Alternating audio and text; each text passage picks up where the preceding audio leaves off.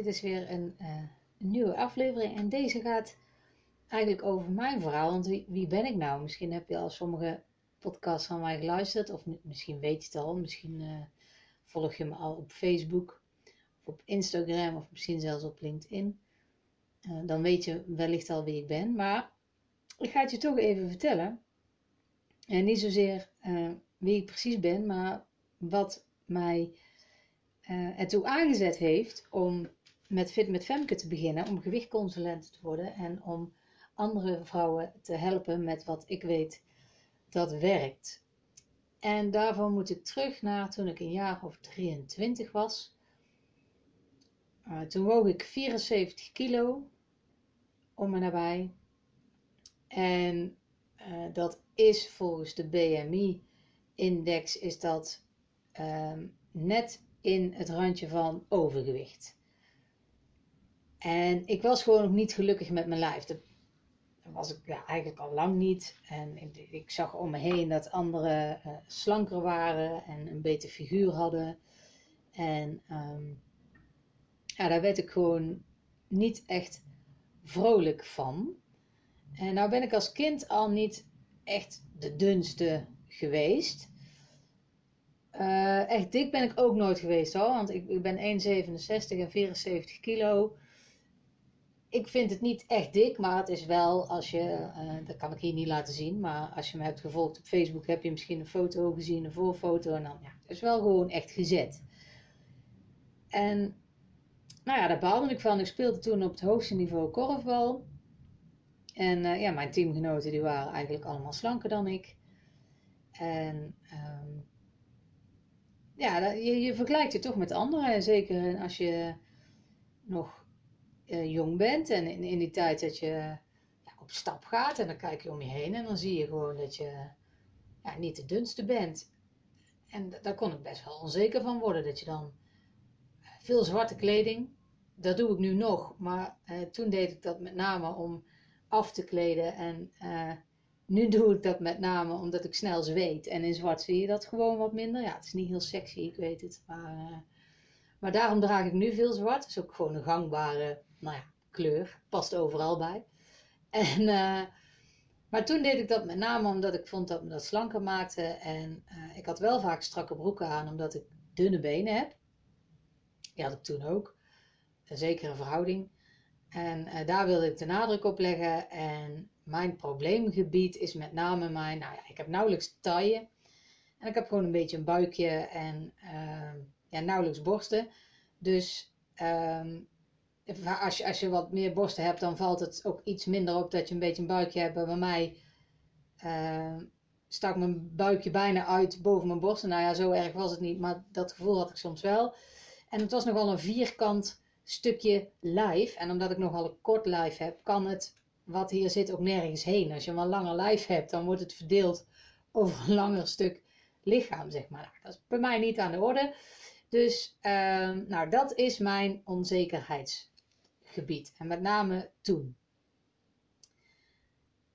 ik ben me daar nu, pardon, ik ben me daar nu nog wel bewust van hoor, maar toen was dat gewoon echt, uh, ja, zwaar. Dus ik had nooit topjes aan, nooit strakke dingen. Altijd nog een extra blouseje eroverheen, zodat je mijn vetrolletje niet kon zien.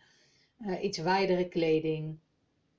Dat soort dingen. Nou, zo liep ik erbij. En uh, nou, het liefst wilde ik ook gewoon korte truitjes aan, waarbij je eventueel een streepje buik zag boven je spijkerbroek, net als die andere meiden. Maar ja, dat was voor mij gewoon niet weggelegd, zullen we zo maar zeggen. nou, op een gegeven moment en wat later, toen ik ja, nou, 23 was, um, ondertussen had ik al een relatie met, uh, met Jur. En wij hadden toen een feest van zijn oma.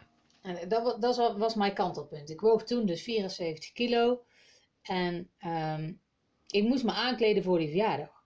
En dat was een feest, werd 80. En um, ja, moest toch wel mooi uitzien. Maar alles wat ik aandeed, daar ja, voelde ik me gewoon echt niet prettig in. En ik baalde gewoon dusdanig van mezelf dat ik uiteindelijk gewoon weer met een spijkerbroek en een grijs t-shirt letterlijk de deur uitliep. En um, die dag heb ik me echt ellendig gevoeld. Toen dacht ik, nou, dit kan zo echt niet langer. Dat ik gewoon met een grijs t-shirt de deur uitloop. Dat ik me niet eens leuk durf aan te kleden omdat ik me daar niet prettig bij voel. En dat was wel het moment dat ik echt dacht, en nu gaan we er iets aan doen. Nou ja, en wat is dat iets dan? Ik had uh, voor mezelf besloten, ik ga op zondag snoepdag doen, snoepzondag, en de rest van de week snoep ik niet. Dat was de enige regel waar ik me aan gehouden heb. En dat werkte hartstikke goed. Daar ben ik in een korte tijd 15 kilo mee afgevallen. In een korte tijd heb ik het over 3,5 maand ongeveer. En um, nu moet ik daar wel bij zeggen dat gaandeweg, gaande die 3,5 maand, ik wel andere gewoontes ben gaan aanpassen. Want dat is het hele eier eten. Hè? Je gewoontes blijvend aanpassen. Anders haal je geen resultaat. Geen blijvend in ieder geval. Maar ik snoepte ook echt niet op andere dagen. Alleen op zondag. En ik had daar bewust de zondag voor gekozen. Omdat dat de dag was dat ik moest korfballen. Dus dan sportte ik al veel. Had ik ook geen tijd om te snoepen. En uh, nou, die dag verbrandde ik ook meer calorieën vanwege de korfbalwedstrijd die ik dan had. En zo is dat begonnen. En ik weet nog dat mijn moeder op een gegeven moment op zaterdag haar verjaardag vierde en ze had rijstevlaai wat gehaald, wat ik echt lekker vind. En nou ja, dat had ik niet op, want het was zaterdag, maar toen mocht ik van mijn moeder een stukje meenemen, zodat ik dat dan zondag op kon eten. Nou, de filosofie daarachter was dat ik op zondag gewoon niet kon snoepen wat ik door de week anders allemaal bij elkaar zou snoepen.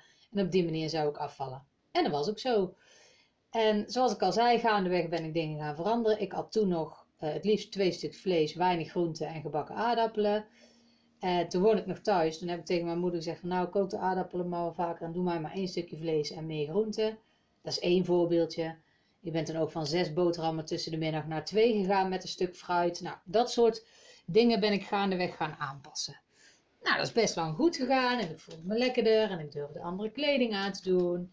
En ik durfde mezelf weer wat meer te laten zien. Met korfballen had ik ook positieve effecten. Want ja, als je 15 kilo minder weegt, kun je je voorstellen dat je je lekkerder beweegt.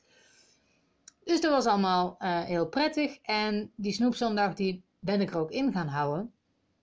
Maar op een gegeven moment, tussen de twee kinderen in, tussen uh, mijn dochters Moon en Daan in, toen merkte ik dat dat niet meer zo goed werkte. En toen begon eigenlijk de ellende pas. Uh, want ik merkte dat ik op die zondag nou, eerst kwam ik dan een kilo aan op die zondag en de rest van de week ging dat dan weer prima vanaf. Maar op een gegeven moment werd dat bijna 2 kilo en uh, dat ging er natuurlijk in die rest van de week niet meer af. Waardoor ik de uh, gedachte kreeg van nou dan moet ik strenger voor mezelf zijn en dat ging ik dan doen. Maar dat hield ik niet vol, dus dan kreeg ik eetbuien, want dan had ik, doordat ik streng was, me niet aan mijn eigen regels gehouden. En zie je wel, het lukt me toch niet. Kan ik net zo goed alles eten wat los en vast zit en dan begin ik morgen echt. Nou, dat idee met als gevolg dat ik dus eigenlijk alleen maar meer aankwam dan dat ik uh, iets tegen ging doen dat ik merkte dat ik weer een kilootje aan begon te komen. Nou, toen was ik zo'n 5, 6 kilo weer aangekomen.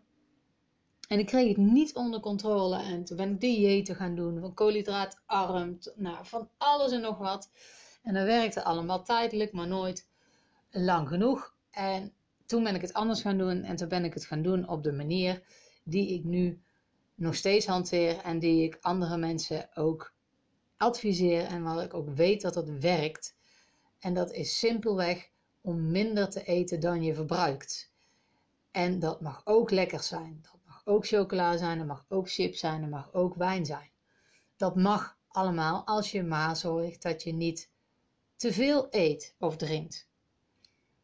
En uh, binnen wat je nodig hebt aan energie, kun je dus in principe alles eten. Als je maar niet te veel eet. En dan val je gewoon af. En uh, het tweede waar ik op ben gaan letten is, ja, voel ik me hier wel prettig bij, hè? Van, uh, heb ik altijd om vier uur honger? Oké, als dat zo is, dan moet je dus om vier uur iets gaan eten. Nou, dat soort dingen, dat ben ik allemaal aan gaan pakken. En uh, dat is wat nu ook mijn begeleiding inhoudt. Dat is de basis van waaruit we starten. En dat ben ik gaan doen. Maar dat was ik er nog niet. Want dat werkte wel. Maar dan nog kwamen die gedachten van als het dan even niet lukt, van zie je wel, het lukt me toch niet. Nou, morgen ben ik wel weer opnieuw. En uh, dus ik, ik was een heel eind. Ik begon ook steeds minder schuldig te voelen als ik een keer wat lekkers nam. Want dat kon gewoon. Als ik dat maar keurig allemaal berekend had. Dat ik niet te veel zou eten. En um, maar die mindset zat me soms nog steeds in de weg. En daar ben ik vooral heel erg aan gaan werken. En dat heb je in mijn vorige podcast ook al kunnen merken. Ik begeleid veel meer op die mindset. Op wat zijn je gedachten nou en hoe ga je daar dan mee om? En daar ben ik heel erg mee bezig geweest. En dat maakte dat ik die 5, 6 kilo die ik in die periode toen weer aangekomen was, dat ik die kwijt ben geraakt en dat het me nu ook lukt om die eraf te houden. En soms dan trap ik er nog wel eens in, dan komen oude gedachtenpatronen en oude valkuilen weer naar boven. Maar dan pak ik het veel eerder terug, omdat ik nu weet hoe dat ik dat moet doen. En uh, dus ik kom nooit meer dan een kilootje of twee aan, want dan pak ik het weer terug. En dat is wat maakt dat het me nu dus al heel lang lukt om op gewicht te blijven. En um, ja, en dat is wat ik in, in mijn begeleiding doe. En ik, ik, gun het andere vrouwen ook. Ik weet nu dat het kan. En het kan echt voor iedereen. Tenzij je een medische reden hebt waarom afvallen niet lukt. Dan is het een ander verhaal. Maar deze manier werkt echt voor iedereen. En er komt zoveel bij kijken. In, in verschillende situaties hoe je daarmee omgaat. Maar als je dat leert en als je daar jezelf uh, de tijd voor geeft. Dan, eh, ja, dat is heel paradoxaal wat ik nou zeg, maar als je jezelf de tijd geeft, wil je zien dat het sneller lukt. Dus als je jezelf, uh, niet, ik moet dit nu, want uh, dan en dan, en ik moet binnen een paar weken zoveel kilo afgevallen zijn. En juist als je dat loslaat, als je gewoon begint met minder te eten dan je nodig hebt, en meteen ook aan je mindset gaat werken, zul je zien dat je sneller en blijvender resultaten zult halen, zoals ik dat ook gedaan heb. Nou ja, dat ben ik, dat is mijn uh, lijdensweg, zou ik bijna willen zeggen, naar het gewicht wat ik nu heb. En ik gun alle vrouwen om die lijdensweg niet te hoeven doorstaan, of als je die al begonnen bent, om die per direct te beëindigen, want het hoeft niet. Het is echt niet nodig, het kan echt anders, zonder ingewikkelde diëten, maar gewoon, nou ja, gewoon, maar door je mindset aan te pakken en ja, aan twee simpele eetregels te houden. En als je dat doet, dan ga je resultaten zien net zoals ik. En dat ga je niet alleen merken in je gewicht, maar dat ga je merken in alle relaties die je hebt, uh, van je partner tot aan familie, werk, uh, sport, etc. enzovoort. Je gaat, doordat je mentaal sterker wordt, ga je je beter uh, voelen en je daardoor ook anders profileren. En daardoor zul je ook het gewicht eraf houden en gewoon een leuker leven krijgen.